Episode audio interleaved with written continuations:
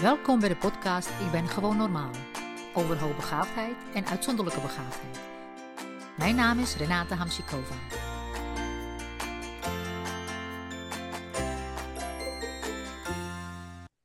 Nou, uh, welkom bij de tweede aflevering in de serie Intens, Authentiek en Vrij. Uh, een serie waarin ik uh, Renata Hamsikova interview. En deze aflevering heet Ik leer anders. En om maar gelijk met de deur in huis te vallen, was er onlangs een, een, jongetje van vier in het nieuws. die was toegelaten tot Mensa.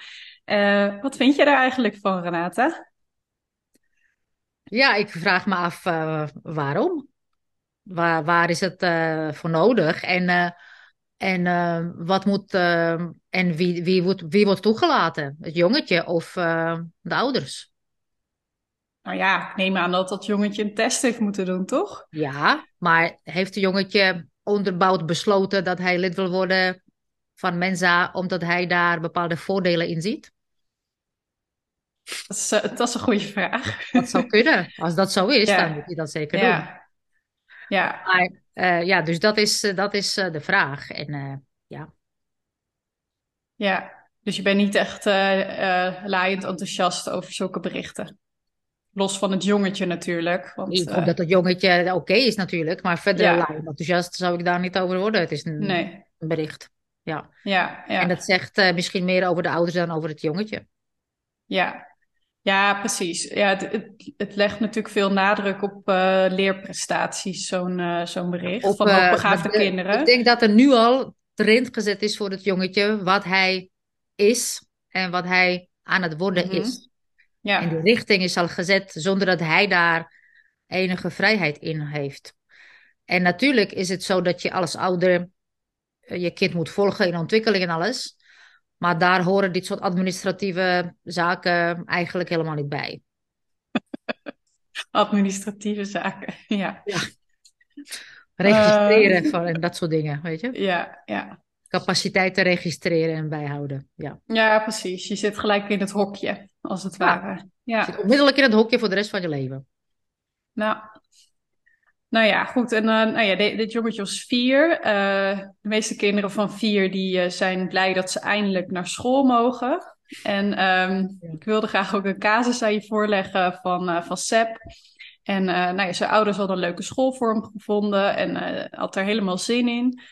Um, maar na een paar weken dan zien de ouders dat hij zich heel verdrietig voelt. Hmm, en dat ja. hij ineens begint te klagen over hard geluid en helemaal moe thuiskomt. Hm. En uh, hij is eigenlijk heel erg teleurgesteld, want zijn verwachtingen waren torenhoog, maar alles blijkt veel te makkelijk. En uh, nou ja, hij begint ook weer te duimen en ander, andere gedrag te vertonen. Ja. Waarom, waarom zie je dat vaak gebeuren bij, bij kleuters? Je ziet het vaak gebeuren bij, bij uitzonderlijk begaafde kinderen eigenlijk vrij nou ja, ik wil niet zeggen altijd, maar heel, heel regelmatig. Omdat zij het idee hebben dat je op school inderdaad iets leert. Maar voor die kinderen, die al ook vaak zichzelf hebben leren lezen, sommigen voordat ze naar school gaan, dat hoeft niet hoor, maar dat kan. Hele brede interesses hebben, allerlei ideeën hebben over alles en nog wat. En daar meer en meer en meer van willen weten. En dan komen ze in zo'n kleuterklas. Nou, dat is Ja. even schrikken. Want dan besef je, heel vrij snel, binnen een week, besef je, hier moet ik het mee doen. En hoe overleef ik hier? En dan kan er echt enorme paniek ontstaan. Want dat betekent dat je vanaf dat moment heel erg moet aanpassen. En uh, als, een kind, als ouders dat al een beetje hebben gezien bij hun kind, hè, die gaat nog niet naar school. Um, heb je dan tips voor ze? Want ja, je kan je kind gewoon naar school sturen en dit zien gebeuren. Mm-hmm. Um, zou je ook het anders kunnen aanpakken? Ja, kijk, als je, als je al een kind op school hebt, dan um, is het uh, heel belangrijk om in gesprek te gaan met de school en te gaan kijken wat de mogelijkheden zijn qua onderwijsaanpassing. En uh, dat doe je ook voordat je kind naar school gaat. Vooraf informeren wat, welke flexibiliteit is er. Je kunt het niet allemaal voorzien, want mensen vertellen het vaak Nee. mooier dan het is. Omdat ze zich totaal niet kunnen voorstellen hoe het is om uitzonderlijk begaafd te zijn. Dus uh, hebben het idee dat, dat, dat een school gezellig is en leuk. En dat is ook denk ik zo. Ja. Hè? Alleen ehm, jij als tot volledig uh, anders denkend, met andere behoeftes en voorkeuren, uh, uh, past daar niet in. En omdat zij daar niet, zich daar niet kunnen voorstellen hoe het is, kunnen ze ook niet goed beoordelen dat je daarin past. En daarom zijn ouders belangrijk om dat goed te, gaan voelen vooral. Mm -hmm. En uh, goed te kijken wat, uh, wat past. Dan moet ik ook wel zeggen dat bij uitzonderbegaafde kinderen zelfs een standaard onderwijsaanpassing vaak niet werkt. Of niet, niet werkt, het werkt maar niet genoeg is. Uh, en het heeft voornamelijk ook te maken met mensen en onderwerpen natuurlijk die je, die je leert. Omdat, omdat je niet kan spiegelen. Er zijn geen ontwikkelingsgelijken. En of volwassenen die uh, je hebt volwassenen nodig die je inspireren. Die, waar je je aan kan optrekken, waar die je input geven, die verwondering ver, ver, veroorzaken. Waar je de, door één zinnetje kun je al aangaan en je verwonderen. En dan kun je de hele week mee bezig zijn. Dus het, is niet, het heeft niets te maken met uh, tonen aan uh, verrijkingsmaterialen en dat soort dingen. Het kan één zin zijn die jou uh, aankrijgt. Maar daar, dat, moet je, dat moet je kunnen. Ja, dus je hebt eigenlijk uh, gelijke volwassenen nodig. Eigenlijk wel. Ja. En dat hoeft ook niet iedere dag, maar heel nee. regelmatig. Ja, um, want, uh, in de wet staat ook dat je een uh, ononderbroken ontwikkelingsproces moet kunnen doorlopen. Ja. Um, ja, dat staat er dan heel erg mooi en dat is een opdracht aan de scholen. Uh, en dan zeggen ze ook van, ja, je moet in de middelen en methoden moet je aansluiten bij de specifieke ontwikkeling van het individuele kind. Ja, je begint al te lachen. Um, Omdat je daar betekent... weer te maken hebt met die administratieve processen. Ja. en niet met mensen. Nee. Ja. Uh, wat betekent nou het doorlopen van zo'n proces onder, onderbroken in de praktijk? Wanneer zou dat uh, ja, echt succesvol zijn? Hoe ziet dat eruit? Nou, we moeten er nog een memorie van toelichtingen aan toevoegen. Want uh, namelijk, je gaat die ontwikkeling volgen van het kind, maar op school volg je meestal een aangepaste kind met zijn aangepaste ontwikkeling. Dus je ziet niet wer werkelijk wie het kind is en wat het nodig heeft. Want dat laten de meeste kinderen niet werkelijk zien, omdat de omgeving er niet naar is. En dat is heel bijzonder. Dat um, ook bijvoorbeeld in Montessori-onderwijs zeggen ze vaak: ja, we hebben hier zoveel middelen, zoveel spullen. En we volgen juist het kind. Maar het kind zit in een beperkende omgeving, voor hem beperkende omgeving. Dus in die omgeving probeert dat kind zo goed mogelijk te, te doen wat van hem verwacht wordt en wat er voorhanden ligt, materialen te pakken. En dan kun je, het enige wat je dus observeert en ziet, is hoe redt zich het kind met voor hem beschikbare middelen. Ja. Dus, je, je, eh, dus die hele uh, ontwikkeling uh, waar het kind in feite recht op heeft, dat zie je niet. Je ziet een fractie daarvan. Omdat die creativiteit, openheid, uh, oneindigheid associëren en out of the box denken niet zichtbaar is. Ja, het doet me een beetje denken, ik hou ook van tuinieren. En het doet me een beetje denken aan sommige exotische planten die ik dan uh, probeer op te kweken.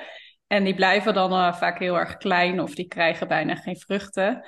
En dan is het inderdaad ook de omgeving die eigenlijk niet zo geschikt is, waardoor je maar een fractie ja. ziet van wat uh, het zou kunnen worden. En jij denkt van, je hebt een 20 centimeter, wauw, hij doet het. Ja. Zodat je naar Borneo komt, ja, waar precies. ze natuurlijk uh, 20 meter groot zijn. Ja, precies. Ja, ja precies. Ja, ja. ja dat um, is het een beetje. Dus, dus je ziet, je ziet uh, nooit de werkelijkheid. Ten eerste, omdat je het kind aangepast is. En ten tweede, omdat je ziet wat je verwacht. Ja. En hoe kan je dan wel echt een ononderbroken ontwikkelingsproces creëren? Is het nou, überhaupt Belangrijk mogelijk? is om met ouders uh, in gesprek te blijven. En eigenlijk zou het mooiste zijn, net als met die planten, de omgeving, die leefomgeving die het kind nodig heeft om tot bloei te komen, te reproduceren uh, op een andere plek. Dus in dit geval op school. Ja, nou, mooie vergelijking. Ja. Um, wat wel vaak als een oplossing wordt gezien, hè, over een andere omgeving gesproken, is uh, particulier onderwijs. Mm het is, wordt vaak echt wel als de oplossing gepresenteerd. Er zijn kleinere klassen.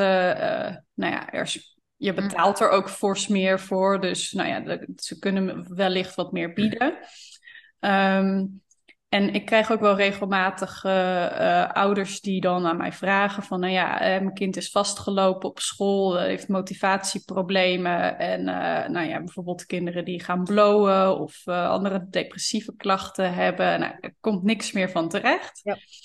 En dan, nou, dan, vragen ze van, nou, kunnen we zorgen dat die naar, naar particulier onderwijs gaat op kosten van de school van inschrijving natuurlijk. Hm. Want als ze het zelf kunnen betalen, dan uh, doen ze dat natuurlijk ook wel zonder mij.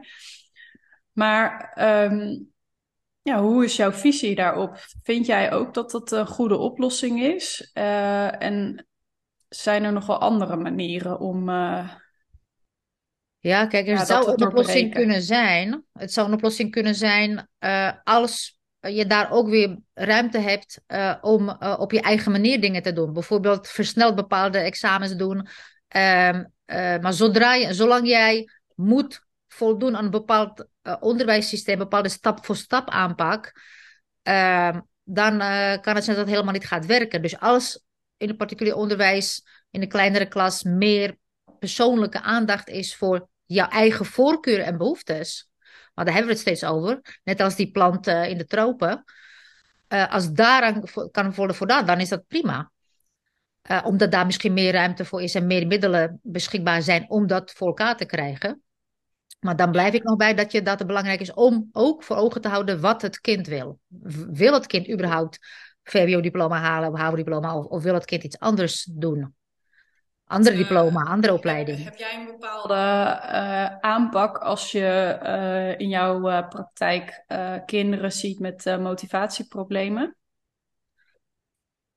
ja, want meestal blijkt namelijk dat die motivatieproblemen zijn voor taken en voor werk dat helemaal niet van hen zelf afkomstig is. Dus er, geen, er is geen intrinsieke motivatie. Er kan geen intrinsieke motivatie komen als je iets doet wat je voor iemand anders doet of iemand anders te pleasen.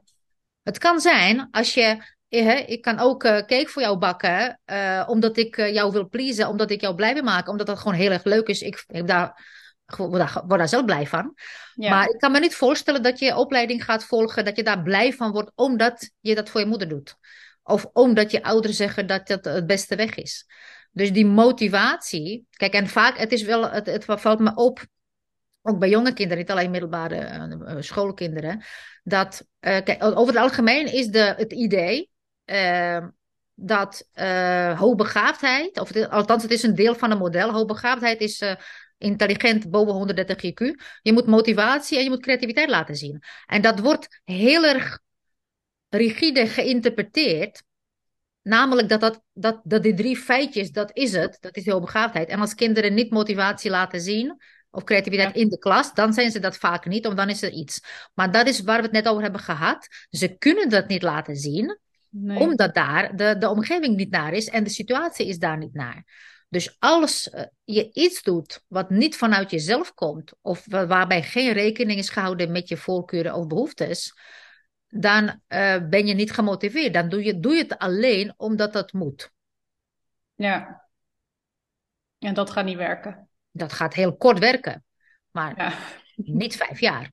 Nee, en al helemaal niet een hele school. En als je dat vijf jaar redt, dan ben je daarna de afloop volledig jezelf kwijt. Ben je, heb je jezelf weg laten gummen. En dan, uh, dan begin je met nou, eh, met jezelf weer op, uh, op de kaart te zetten bij jezelf. Ja. Dus en dat, uh, ik weet niet of dat de bedoeling is.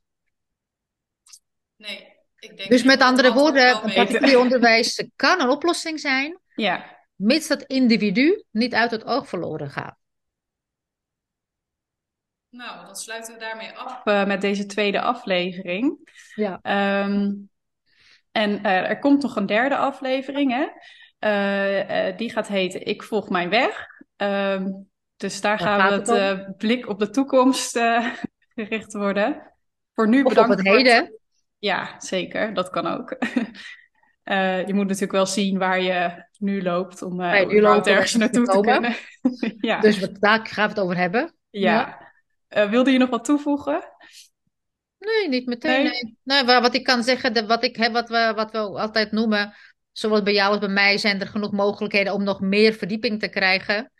Met masterclasses en live events. Dus dat kan altijd op mijn website gevonden worden. Ja, en die zullen we ook even toevoegen aan de toelichting bij de podcast.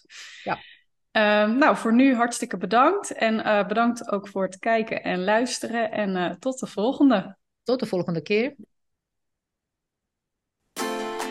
Als je vragen hebt, kun je me mailen op renata-iq.nl. Tot de volgende keer. Zorg goed voor jezelf en zorg goed voor elkaar.